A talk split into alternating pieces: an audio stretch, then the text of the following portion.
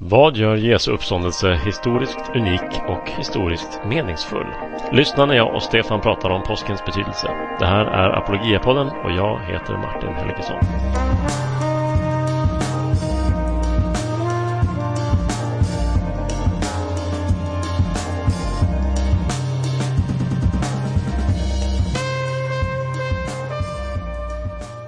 Påsken står för dörren och jag vill såklart ta tillfället att prata med Stefan om Jesu uppståndelse. Det hör ju till, till den kristna trons kärna att Jesus har uppstått från döden. Och jag hoppas att vårt samtal om uppståndelsens historicitet och mening kan vara en uppmuntran till er lyssnare här under påskveckan.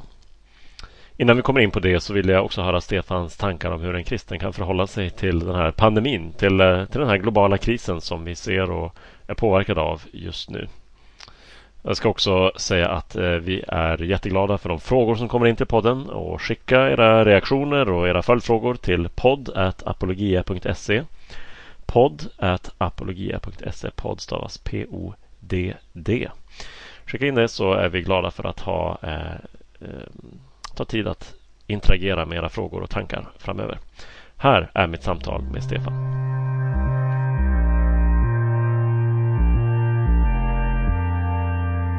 Ja men hallå Stefan, nu var det dags att spela in eh, podd igen och eh, i dessa tider av social distansering så eh, sitter vi inte i studion utan på varsitt håll.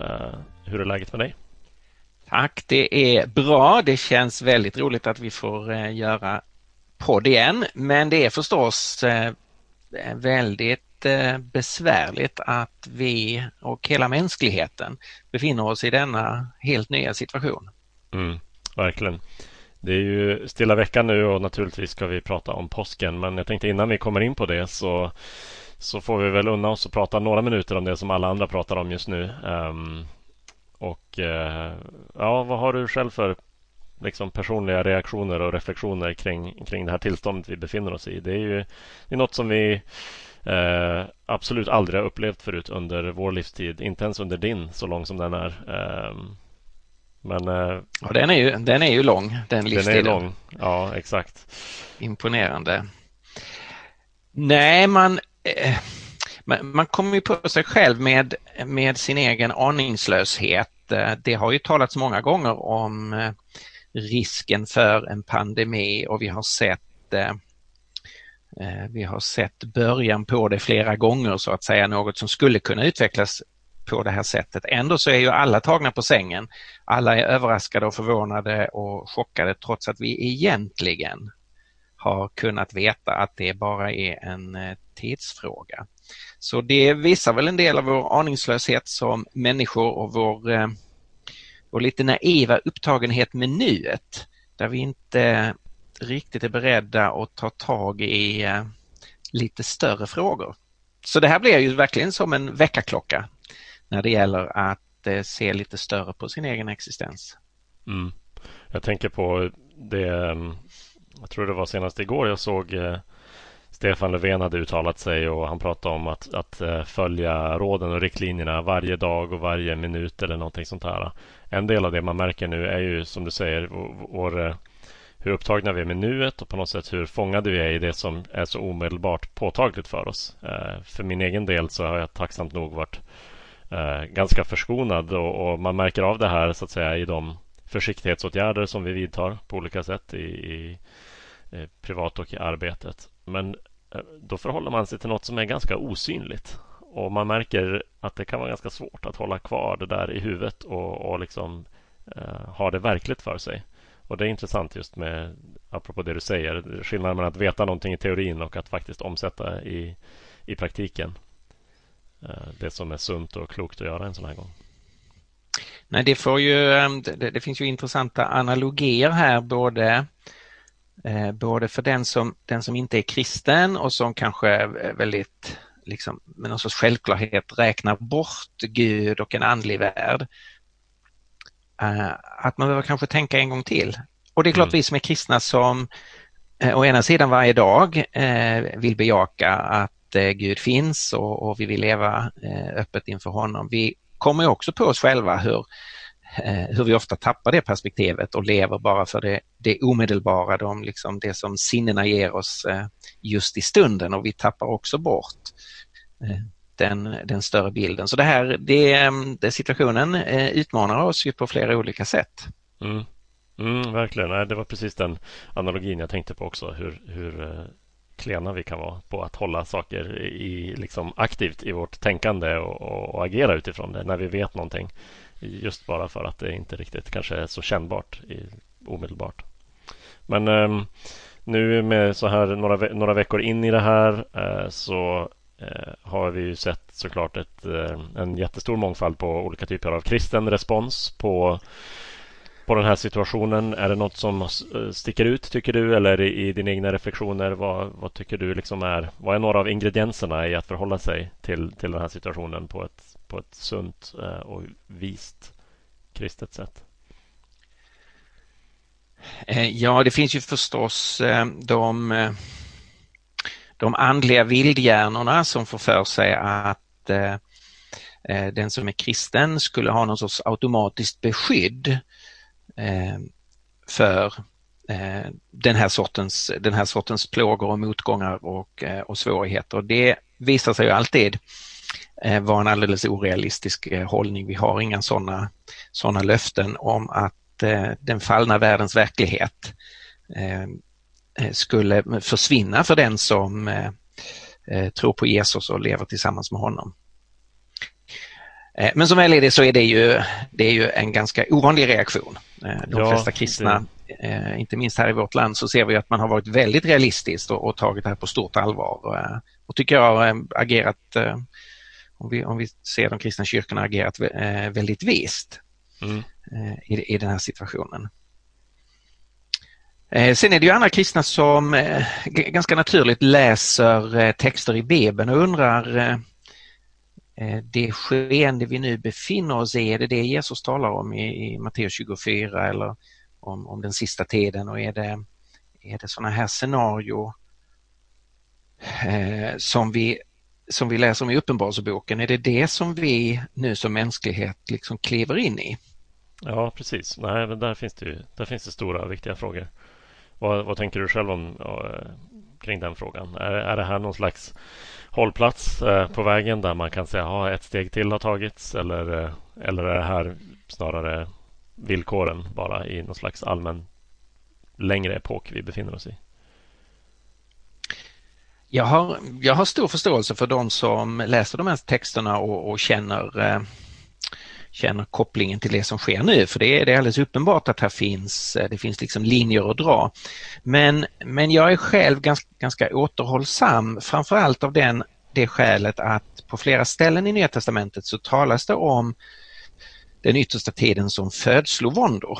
Ja, dels beskrivs den yttersta tiden som i grunden så är det hela tiden från Jesu första till Jesu andra ankomst, alltså hela Exakt. kyrkans tid är den sista tiden. Och det beskrivs i termer av födslovåndor. Och för den som har varit med på en förlossning så vet vi att födslovåndor, födslovärkarna kommer i vågor. Eh, och man kan inte veta om den vågen som är just nu, om det är den sista vågen eller om det kommer, kommer att lugna ner sig och sen kommer det fler och kanske ännu starkare eh, vågor. Eh, och det gör att jag är, är ganska försiktig med att eh, eh göra de här direktkopplingarna mellan just vår tid och en specifik text i, i Nya Testamentet. Man kan väl se att eh, det där har ju skett väldigt många gånger i historien att man har sagt nu är det sista födslovåndan och hittills har ju alla haft fel och det borde ju eh, det borde ju leda till en viss ödmjukhet eh, eh att, att göra sådana förutsägelser. Ja, det finns en, en eh, chans att vara lite efterklok i förväg genom att lära sig av andras eh, lite, för, eh, lite förhastade eh, sådana slutsatser. Däremot så, eh, däremot så kan man ju säga att det för den som är kristen och läser Jesu undervisning och läser Uppenbarelseboken så ska man inte bli förvånad när födslovåndorna kommer, när svårigheter möter både mänskligheten och svårigheter möter den kristna kyrkan. Därför att där har Jesus förutsagt och varnat för. Det vi ska vara mer försiktiga med det är att lägga upp en schema var exakt i världshistorien vi befinner oss just nu. Precis. Precis, så det är mer, det här är en del av villkoren vi lever under och det är inte specifikt för någon, någon särskild fas på sätt och vis utan det är villkoren sedan världen drabbades av, av syndafallet och dess konsekvenser. Mm. Det pratas mycket jag menar, det finns alla möjliga olika drag i, i hur vi kristna har eh, så att säga, hjälp, hjälper människor att tolka vad det är som händer och, och, olika typer av så att säga, kristna attityder som är relevanta här nu. Eh, hopp är ju en av dem som det ofta talas om. Ehm, att vi har som kristna en möjlighet att sprida hopp och, och att hålla fast vid vårt hopp och sådana saker. Hur, hur, tänker du kring det? Hur gör man det på ett, eh, ett sunt sätt i den här situationen? Vad är det för typ av hopp vi ska lyfta fram i så fall? Ja, det är, det är väldigt viktigt. Det finns ingen mer hoppfull eh, livssyn, tro, religion än, eh, än den kristna tron, än det, det kristna evangeliet. Det är fyllt av hopp. Men inte på det där happy clappy sättet att allt bara är, är, är klang och jubel. Ehm, utan Nya Testamentet säger också att vi ska glädja oss med den som glädjer sig men gråta med den som gråter. Och det är klart att vi går in i en tid nu när många människor kommer att gråta över sjukdom och död, över livsverk som undergrävs och går förlorat, över eh, ekonomisk osäkerhet. Eh, och eh, där eh, det, den kristna tron och det kristna livet innebär också medkänsla eh, och stå tillsammans i, i, de, eh, i de svårigheterna. Men vi gör det med, med hopp. Både ett hopp om att ytterst sett så kommer allting att bli väl utifrån den seger som eh, Jesus har eh, vunnit. Oavsett vad som händer i vårt liv och som händer i världens historia så kommer ytterst sett allting att bli väl för oss och för alla som tillhör honom. Och vi gör det med ett hopp om att under tiden så är Jesus med oss i eh, uppgångar och i nedgångar, i svårigheter och i, i framgångar. Vi är inte övergivna. Även om vi, även om vi kan vara hårt ansatta eh, satta under press och, och möta stora svårigheter. Så här mm. behöver man ju ha en, eh, ha en hälsosam balans mellan hoppfullheten som vi behöver påminna varandra om och Eh, realismen och sakligheten och verklighetsförankringen. Ja, och jag tänker också att det finns en tendens att tolka hopp i de termer som man själv redan tänker och, och har man en ganska eh, materialistisk eller sekulär livsåskådning och man hör kristna tala om hopp så är det ju lätt att man tolkar det som en liksom någon slags löfte om att eh, allt kommer ordna sig och gå bra och det kommer inte bli så farligt. Eh, men viktigt att tänka att det kristna hoppet är inte hopp om, eh, om att slippa lidande utan ett hopp som bär genom lidande. Någonstans den som du var inne på. Men att, att, att hopp kan så väldigt lätt tolkas in i hur man redan tänker och, och, då finns det en risk att det kristna hoppet blir för ytligt i en sån här situation. Och i, i längden att man då skapar besvikelse. Det känns ju alltid bra att få lov att och, eh förkunna hopp eh, in, in i en mörk situation och det kan ju kännas bra för stunden.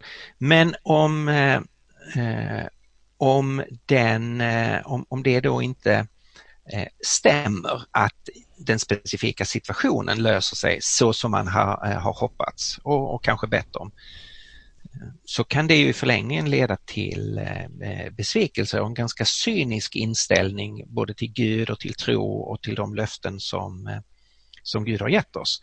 Eh, och man måste se att eh, eh, mycket av Guds löften har ju ytterst sett en eskatologisk uppfyllelse, alltså de kommer att bli uppfyllda på den yttersta dagen. Jag, jag, tänker rätt ofta på den, på den formulering som Jesus har när han står vid Lazarus grav och de två systrarna Marta och Maria är där och det är stor sorg och det är många som, Eh, många som gråter. Och eh, då, då säger Jesus eh, underbara löften om att han är uppståndelsen och livet och så säger han så här, den som tror på mig ska leva om han än dör. Och den som lever och tror på mig ska aldrig någonsin dö. Så där har vi ju en, en, en dubbelhet och vi ser ju att Jesus i den situationen uppväcker Lazarus tillbaka till livet. Men samtidigt så, så, så indikerar Jesus att döden kommer fortfarande finnas kvar ja. i den här tiden. Eh, så att man ska leva om man än dör. Därför att döden har då förlorat sin, sin yttersta makt. Men, men ingen kommer undan döden, inte ens Lazarus. Han uppväcktes ju men dog några år senare. Mm. Så där är ju löftet om att Jesus är uppståndelsen och levet, det får ju sin yttersta uppfyllelse eskatologiskt. Eh, och så är det med många av Guds löften att de, eh, eh, eh, de har en giltighet i den här tiden eh, men de har en yttersta giltighet i när Guds rike kommer i fullhet. Mm. Mm. Ja, ingen av oss vet eh, hur länge den här situationen kommer råda eh, eller i vilka så att säga, faser och steg exakt vi får prognoser och råd och, och sånt eh, som man kan följa men vi kan inte förutspå på förhand. Eh, ska vi säga någonting om eh, hur det här påverkar vårt arbete i apologia och för de som vill hänga med i vad vi gör och, och sådana här saker? Vi har ju påverkats får man säga som alla andra. Vi har fått eh, ställa in till exempel eh, en planerad konferens den 9 maj. Eh, eller åtminstone skjuta upp på obestämd tid. Och, och i övrigt är det något särskilt som, som gäller för vår del som är bra att veta? Vi är påverkade på det sättet att väldigt många engagemang som vi hade inbokade har ju förstås blivit avbokade. Alltså eh, föreläsningsresor, undervisningsresor som vi skulle, eh, som vi skulle ha gjort. Eh, så det, det gör ju att vi kommer att möta mindre människor. Vi har mindre möjlighet att ge vår undervisning vidare just nu. Det påverkar också vår ekonomi förstås eftersom vi blir som andra då isolerade till vårt hem och till vårt kontor. Eh, så det, så det påverkar oss. Eh, samtidigt så ger det oss också nya möjligheter. om man måste ta en sån här situation, eh, om man då är så lyckligt lottad att man själv inte är drabbad av, av sjukdom, så ger ju en sån här situation också en del nya möjligheter att göra sådant man annars inte hade haft tid för eller haft kreativitet nog att tänka ut. Så vi har en del nya projekt på gång när det gäller material.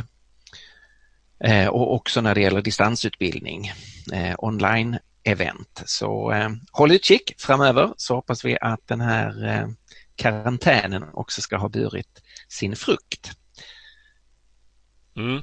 Vi brukar ju skicka ut eh, två nyhetsbrev i månaden där det ena ofta innehåller en kalender med de platser eh, där ni kan träffa på oss och, och höra oss och sådär. Och det kommer såklart den närmaste tiden mer bestå av länkar och tips på vad, där ni kan, var ni kan läsa saker vi skriver eller eh, höra eh, ett poddavsnitt som detta och så vidare. För det blir inte så värst mycket resande på tag men vi hoppas, hoppas att det återgår till det normala eh, så småningom. Och även om ni inte ser oss eh, längst vägarna så finns vi fortfarande. Vi behöver eh, eh, förbön och vi behöver fortsatt ekonomiskt stöd. Eh, inte minst behöver vi ekonomiskt stöd eh, eftersom eh, våra vanliga inkomster minskar under den här tiden. Mm. Ja, vi tar en liten paus och så är vi strax tillbaka och pratar om påsken.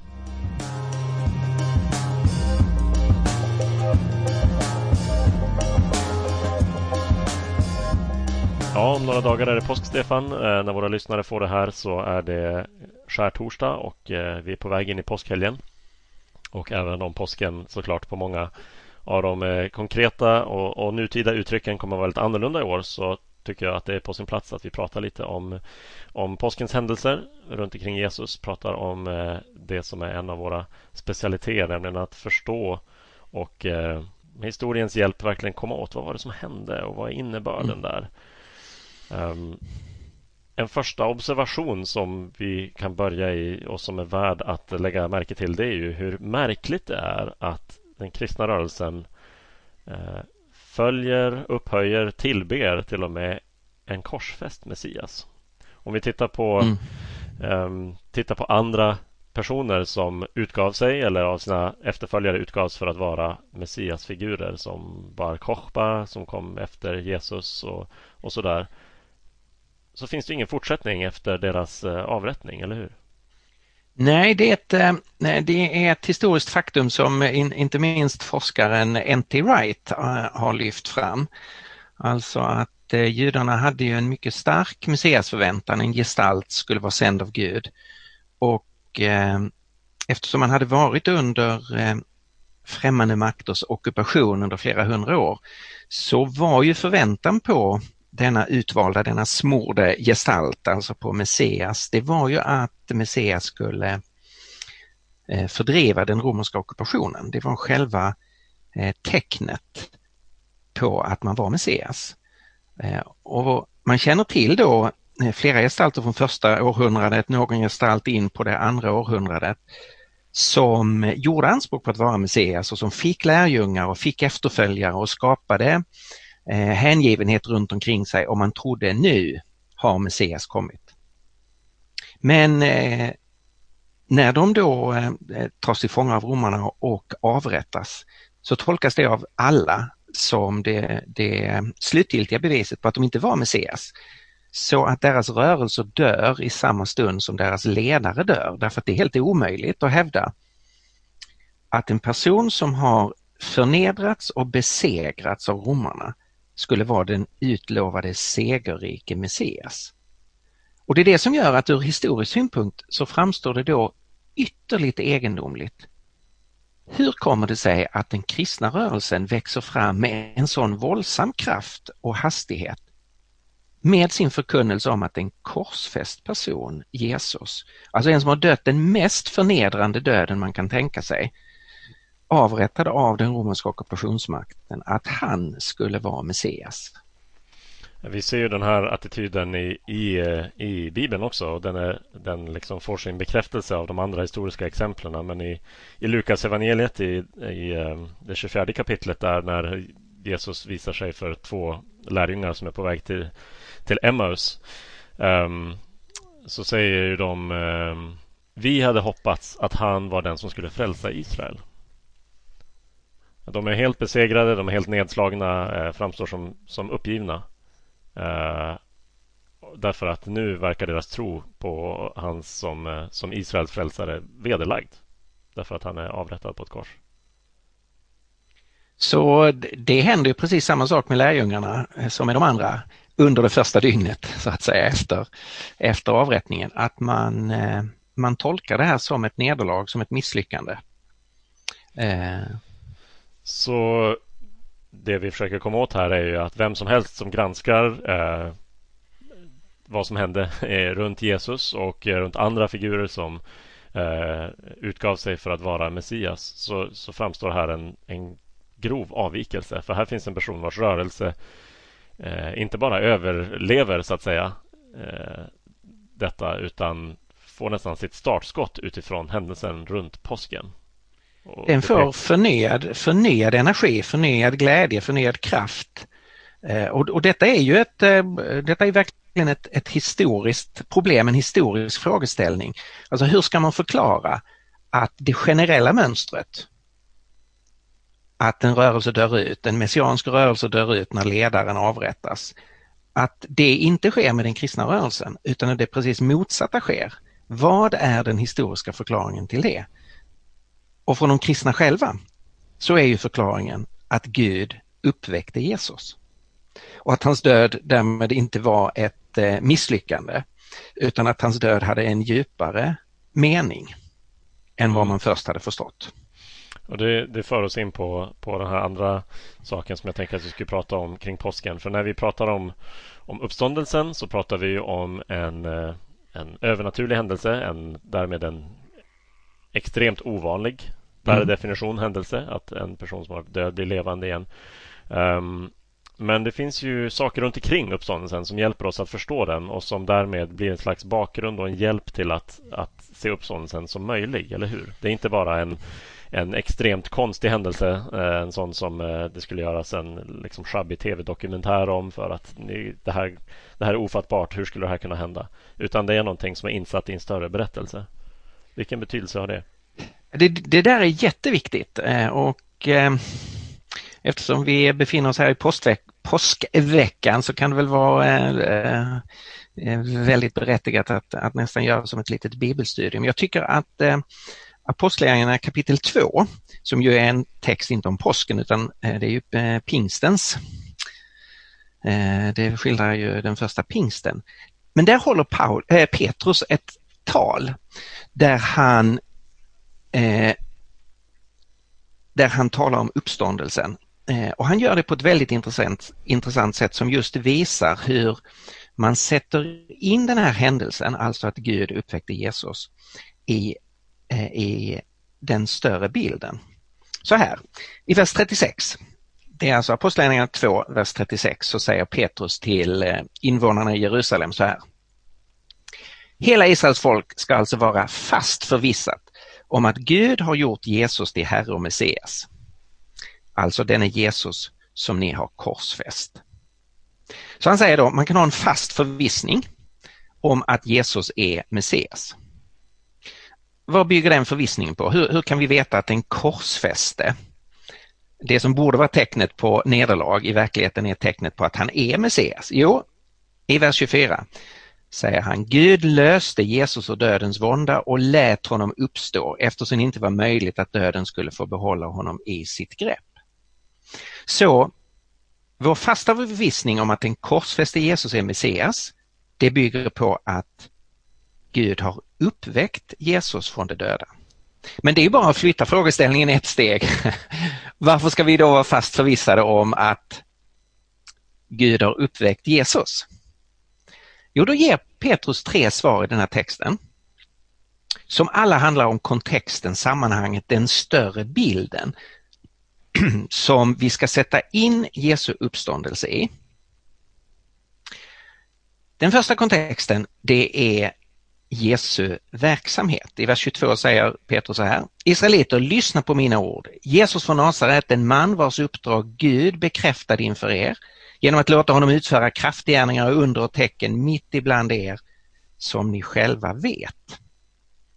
Alltså det var inte vem som helst som korsfästes och sen uppväcktes utan det var en person som hade fått ett uppdrag från Gud, som gjorde anspråk på att vara sänd av Gud och som kunde bekräfta det anspråket genom att offentligt utföra kraftgärningar och under och tecken. Det handlar ju mycket om att han helade de sjuka men också uppväckte de döda och mättade tusentals människor och hade makt över naturen.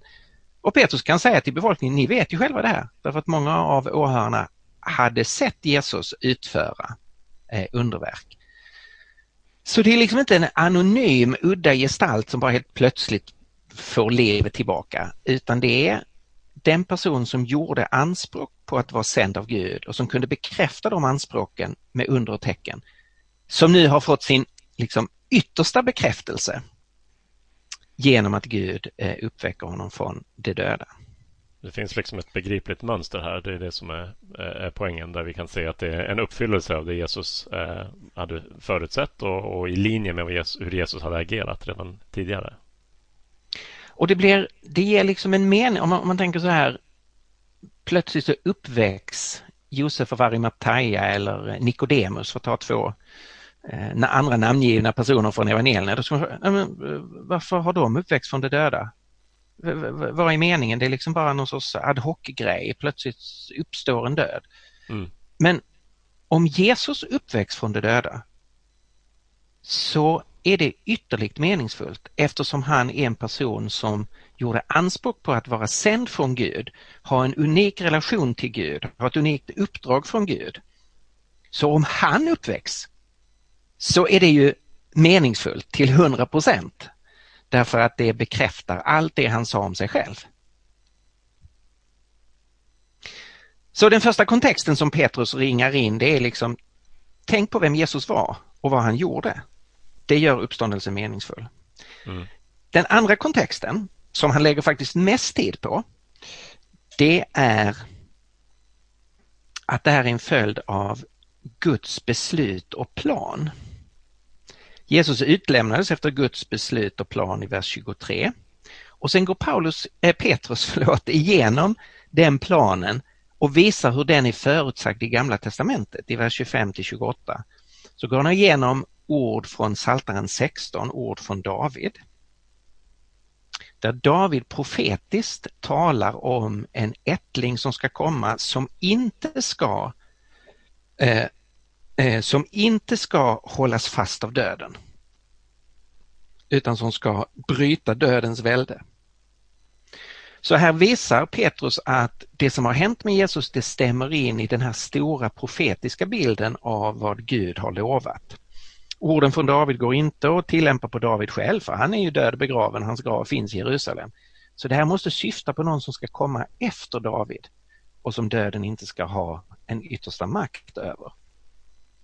Så här får vi liksom hela den, hela den eh, bibliska kontexten. Att det här är uppfyllelsen av det som Gud har lovat genom historien. Och sen den tredje kontexten är den som vi är mest vana vid. Jag visste att, att det skulle komma en tredje punkt. Jag visste det. I am a preacher. Den tredje punk punkten, den tredje kontexten, det är lärjungarnas möten med Jesus.